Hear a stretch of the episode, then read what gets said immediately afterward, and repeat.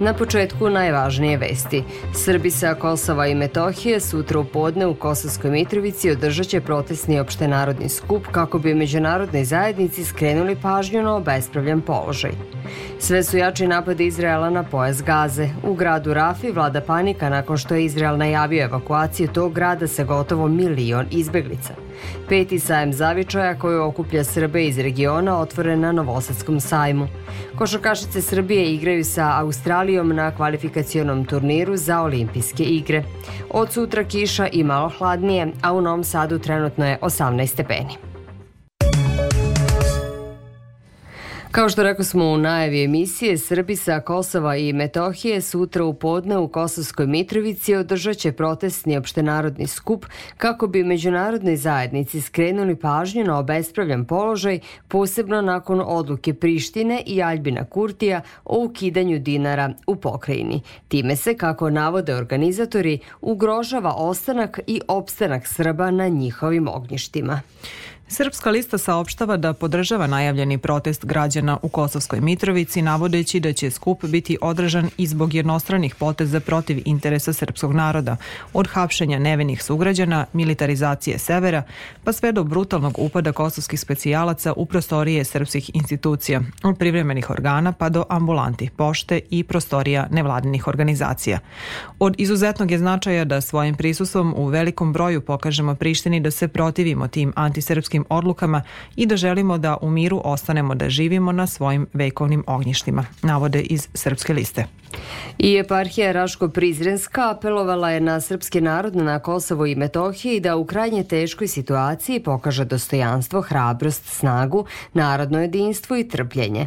Ono što se na nepravdi gradi neizbežno pre ili kasnije se urušava i to vredi za sve one moćnike ovoga sveta koji zlopotrebljavaju silu i vlast protiv onih koji nisu zaštićeni, poručila je eparhija.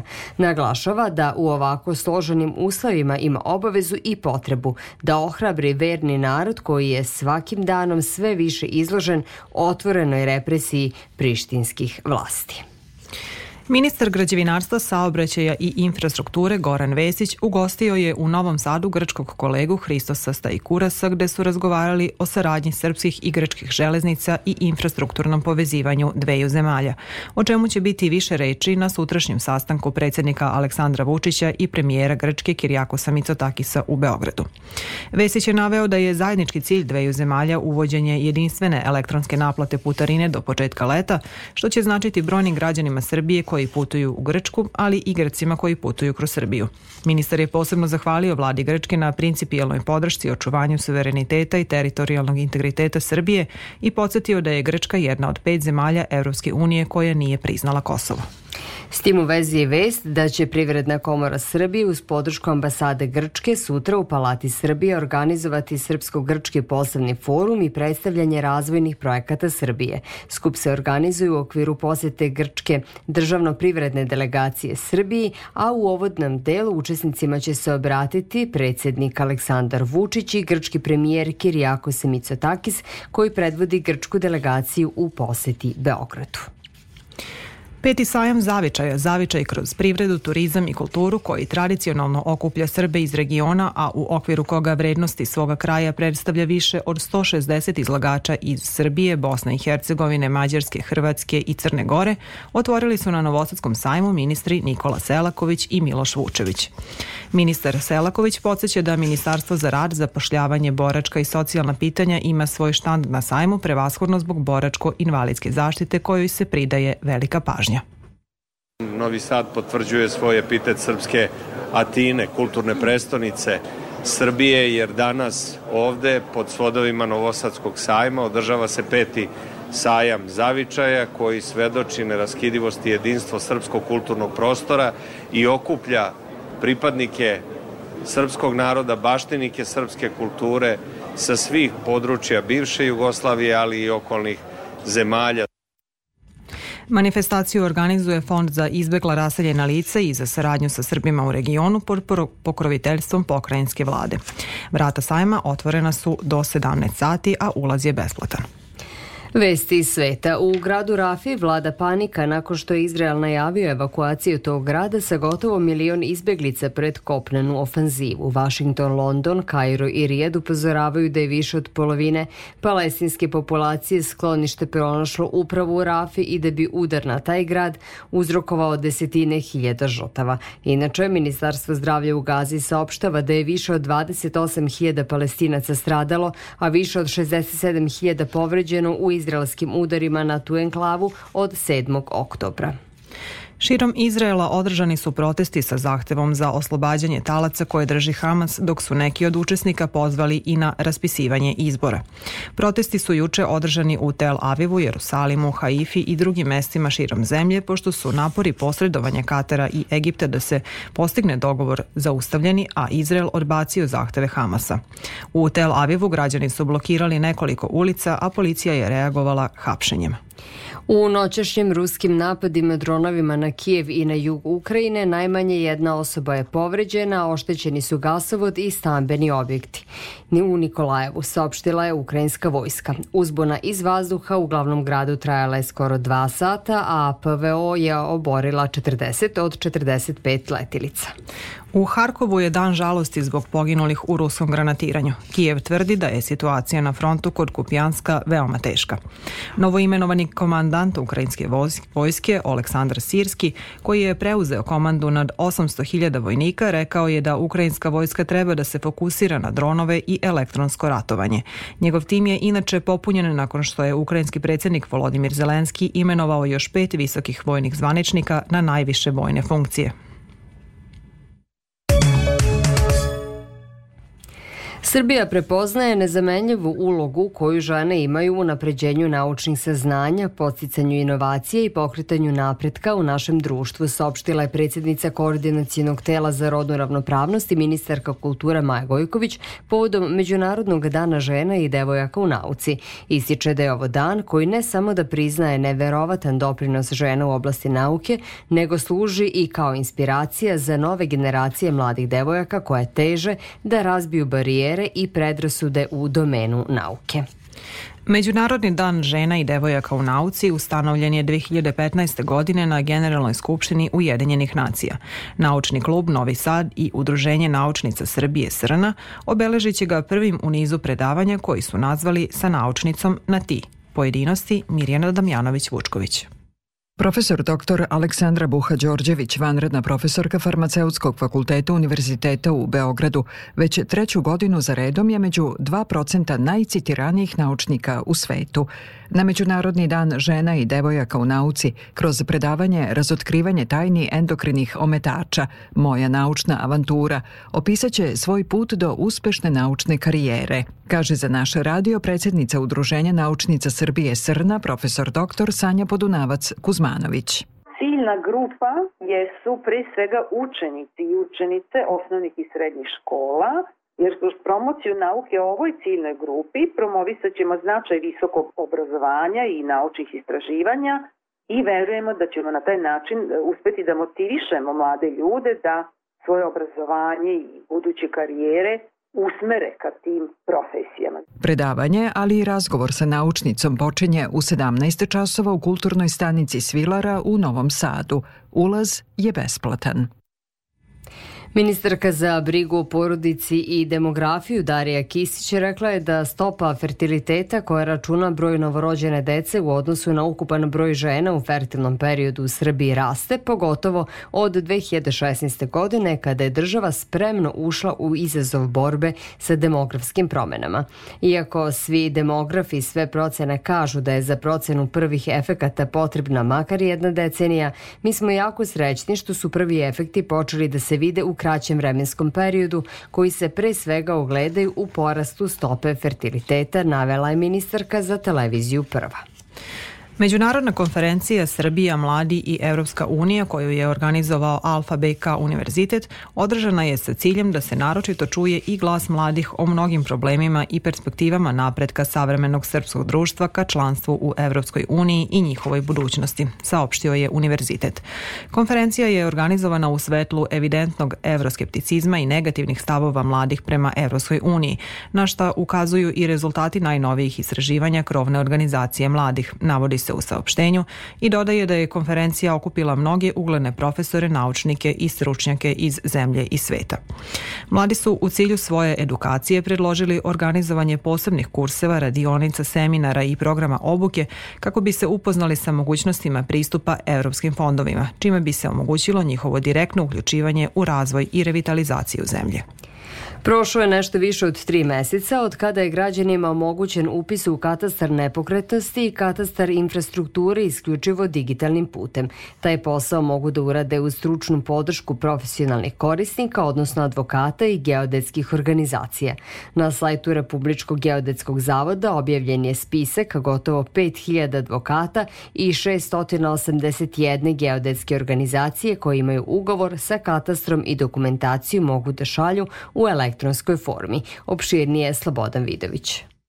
Putem e-šaltera Republičkog geodetskog zavoda od 4. novembra prošle godine kada je počelo, podneto je 25.000 zahteva, što je povećanje za čak više od pet puta nego ranije, kaže pomoćnik direktora sektora za razvoj i inovacije u tom zavodu Darko Vučetić. Svi ti predmeti koji su došli na osnovu ovog zakona preko, preko advokata, a koji su mogli da se postupaju da nema prethodnih zahteva, čekanja odluka suda i tako dalje, rešeni i da je broj žalbi smanjen. Na sajtu Republičkog geodetskog Geodetskog zavoda objavljen je spisak skoro 5000 advokata i 681 geodetske organizacije koji imaju ugovor sa katastrom i dokumentaciju mogu da šalju u elektronskoj formi. Jedan od advokata, Saša Ivanišević, objašnjava Kako izgleda ta procedura? Nije to tek tako procedura laka, vi ono propustite to samo kroz kompjuter i kažete podnosi Petar Petrović u ime Živka Živkovića. Ta procedura je dosta složena za vi jedan zahtev. Lakše bi mi bilo da ja uhvatim i otkucam zahtev i predam ga katastru,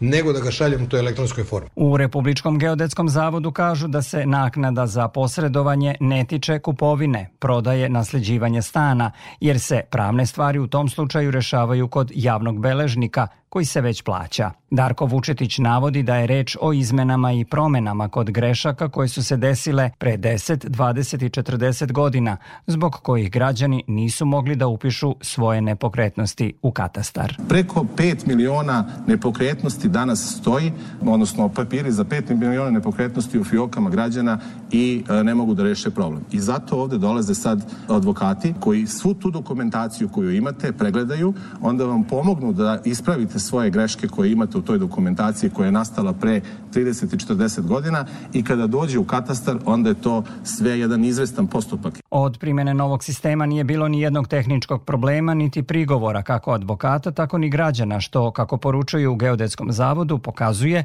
da je sistem pouzdan, jednostavan i potreban. Novi sistem, iako kritikovan od pojedinaca, uspeo je da demontira stari koruptivni model koji je ograničavao brzinu i efikasnost upisa starih isprava u katastar, zaključuju u Republičkom geodetskom zavodu. Na inicijativu udruženja Alarm, koje okuplje roditelje dece obolele od dijabetesa, donet je protokol za škole koji bi deci sa dijabetesom trebalo da olakša svakodnevni boravak u školi. Iako je protokol još početkom školske godine trebalo da bude dostavljen svim školama, neke ga i dalje nemaju. Opširnije, Davorka Jelena Draško. Na nedavno održanoj tribini o ulozi zdravstva u obrazovnom sistemu kod dece i mladih obolelih od dijabetesa predstavljen je protokol o postupanju sa učenicima obolelim od dijabetesa. Protokol je podeljen na tri nivoa delovanja, objašnjava Goran Milošević iz udruženja Alarm ta procedura, odnosno kod prvog nivoa delovanja, jeste da roditelji dece koje su obolele sa diabetesom dostave potpune informacije nastavnicima, razrednim starešinama, da upoznaju sa, sa stvarima kako, kako stoje, odnosno u kom stepenu je nivo tog oboljenja, odnosno bolesti od, sa diabetesom, kako bi nastavno osoblje, znači sam direktor, profesor, odnosno učitelj, mogli e, blagovremeno da reaguju na situacije koje mogu da se dese. Protokol je zakonski obavezujući te su od septembra prošle godine sve škole u obavezi da ga primenjuju. Bitno je isto reći da nakon saznanja o zdravstvenom stanju učenika sa diabetisom, izabrani pedijatar je dužan da stupi u komunikaciju sa članovima škole koji će biti obučeni za to. Prema podacima za 2022. godinu u Srbiji je registrovano 230 dečaka i devojčica obolelih od dijabetesa tipa 1 i taj trend je stalno u porastu i kod nas i u svetu, pa je tim važnije ozbiljno pristupiti primeni protokola, kaže naš sagovornik koji je i sam roditelj šestogodišnje devojčice sa dijabetesom otkrivenim u njenoj trećoj godini. On podsjeća da je rani skrining kod ovog oboljenja ponekad i i presudan. Smatram da bi možda taj pregled, odnosno test glukoze u krvi trebalo da bude uveden na redovnu listu. Znači kada odete da vadite krvnu sliku, da pedijatra vam apsolutno prepiše za dete da, da uradite i glukozu. Ne čekati simptome ili da posumljate da nešto, nego jednostavno kao što odete da vadite krvnu sliku, izmerite nivo šećera u krvi i budete mirni. Kroz radionice i tribine udruženje Alarm će, kako kažu, nastaviti da edukuje pre svega roditelje, ali i vaspitače i prosvetne radnike o životu sa diabetesom. Andraš Kesag iz Čoke jedan je od najstarijih zanatlija na severu Banata. Taj 94-godišnjak radi kao obućar 76 godina, ima mušterije koja kod njega redovno dolaze decenijama. Njegovu priču beleži Gorjana Stojković. Andraš Keseg ili Čika Bandika, kako ga zovu građani Čoke, ima mali lokal u kući gde nas ljubazno dočekuje. On sa lakoćom nosi svojih 94. Dobronamenost i optimizam zrače iz njegovog bistrog pogleda. Nakon osnovne škole, kao odličan učenik, dobio je opštensku stipendiju da se školuje za obućara u Novom Sadu – 50. godina osvojio je nagradu na Zagrebačkom velesajmu za svoj rad. 60. ih je kupio mašinu koja je u to vreme bila posljednja reč tehnike. Nju i danas koristi. Sa nama je podelio recept za dugovečnost kao i za uspešno poslovanje. Ja sam taj čovjek koji ne pije, mislim nisam pio uopšte ništa alkohol, kafu ne pušim i ne pušim, redovno spavam, ustanem, doručkujem. Mene život, što kaže Srbin, čuvaj zdravlje kad si mladost, kad dođe za starost. Kod mene u radnju ne pije i ne puši, bio ispisano, ne plečkarimo, nema to da kazao ovaj, a ovaj drugi će, kod mene to nema. Čikabandika priča o porodici dok nam pokazuje lepo uređeno dvorište sa drvećem starim nekoliko decenija i stotinu ruža koje lično neguje. Oni supruga imaju kćerku, dvoje unuka i troje praunuka. Daje nam poklone uz osmeh. Malo milošte, slatkiše i kafu. Odlazimo iz čoke pod utiskom i punog srca. I vesti iz sporta. Košarkašice Srbije savladale su sinoć u brazilskom Belemu reprezentaciju domaćina sa 72-65 u drugom kolu kvalifikacija za olimpijske igre. Večeras od 21 čas izabranice selektorke Marine Maljković igraju protiv Australije. U 20. kolu košarkaške ABA lige košarkaš, košarkaši Partizana od 17 časova gostuju Igo Kej, dok Crvena zvezda dva sata kasnije na svom parketu dočekuje Zadar. U 21 čas igraju Studenski centar i Borac. A u 15 časova u Beogradu počeo je susret 20. kola futbolske Superlige između IMT-a i TSE-a, trenutni rezultat je 0-0.